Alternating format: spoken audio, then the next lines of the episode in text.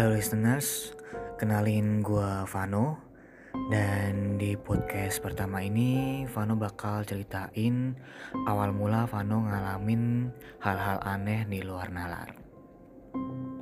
Oke, dalam budaya Jawa ketika bayi lahir Ari-ari atau plasenta biasanya dikubur Bahkan ada ritual khusus.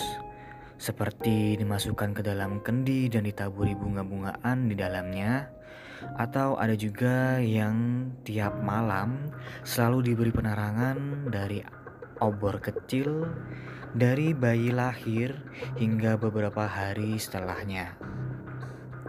Tapi Vano beda, nggak kayak gitu.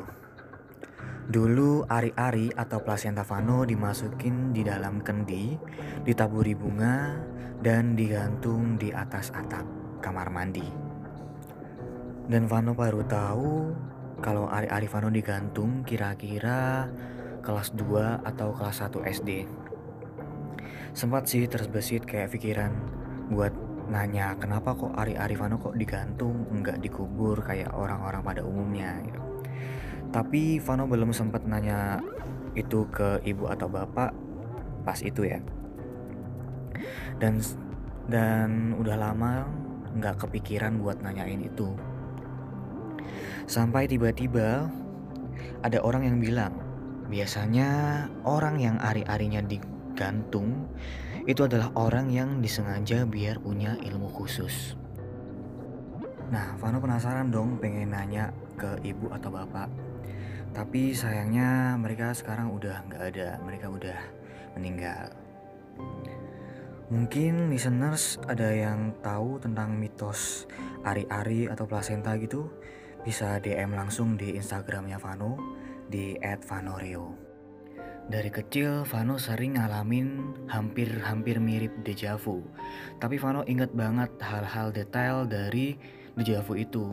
Bahkan bakal tahu apa yang selanjutnya terjadi kayak gitu selain itu juga Vano sering kayak mimpi-mimpi yang aneh berasa kayak kenyataan oke dikit cerita ya dulu Vano nggak masuk sekolah TK sama sekali jadi di usia anak-anak yang harusnya TK kecil Vano udah masuk kelas 1 SD dan alhamdulillahnya nggak pernah ada kayak keterbelakangan dalam pembelajaran gitu. Alhamdulillah juga selalu dapat peringkat 10 besar.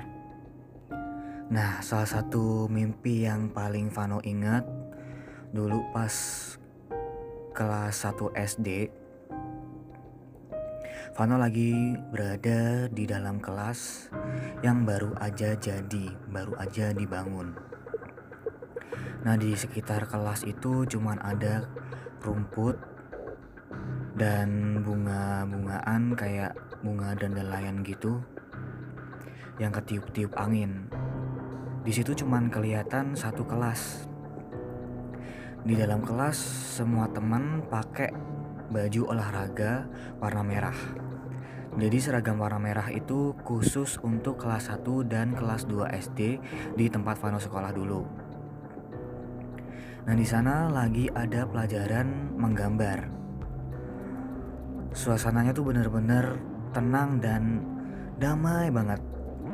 Terdengar juga kayak suara jangkrik dan musik-musik yang nenangin gitu kayak piano-piano gitu. Nah di dalam mimpi tiba-tiba Vano ngeliat ibu Vano yang datang buat jemput Vano pulang dengan baju warna ungu, terus rambut disanggul sambil duduk di bangku samping sekolah. Mimpi itu bener-bener kayak nenangin dan damai banget. Itu jadi alasan Vano kenapa sampai sekarang masih ingat sama mimpi itu. Nah singkat cerita, tiba-tiba pas kelas 2 SD di hari Jumat, mimpi yang tadi Vano ceritain benar-benar terjadi di dunia nyata. Dari kelas yang barusan dibangun, terus suasana kelas yang tenang, nyaman, baju yang kita pakai semua, baju olahraga warna merah, pelajaran yang sama, ya, pelajaran ngegambar, terus ibu Vano yang datang jemput dari semua warna baju, dari rambut, sama semuanya. Bedanya cuman di dalam mimpi kelas cuman satu doang yang Vano lihat. Tapi di, di kenyataannya di samping masih ada kelas lagi, walaupun kosong ya. Dan itu merupakan salah satu hal aneh pertama yang bisa Vano ingat secara detail. Nah, ada lagi nih ketika pas kelas 3 SD itu kan ada tes IQ.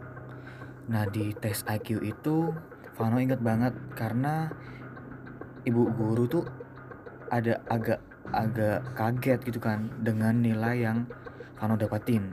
Dulu Vano dapat nilai tes IQ 125. Dan baru-baru ini Vano sempat baca artikel tentang hal-hal yang membahas tentang indigo. Kalau rata-rata anak indigo itu ber-IQ lebih dari 120. Nah, itu cerita pertama Vano di episode podcast kali ini. Buat cerita selanjutnya Vano bakal publish minggu depan. Thank you banget buat listeners yang udah dengerin dari awal sampai akhir.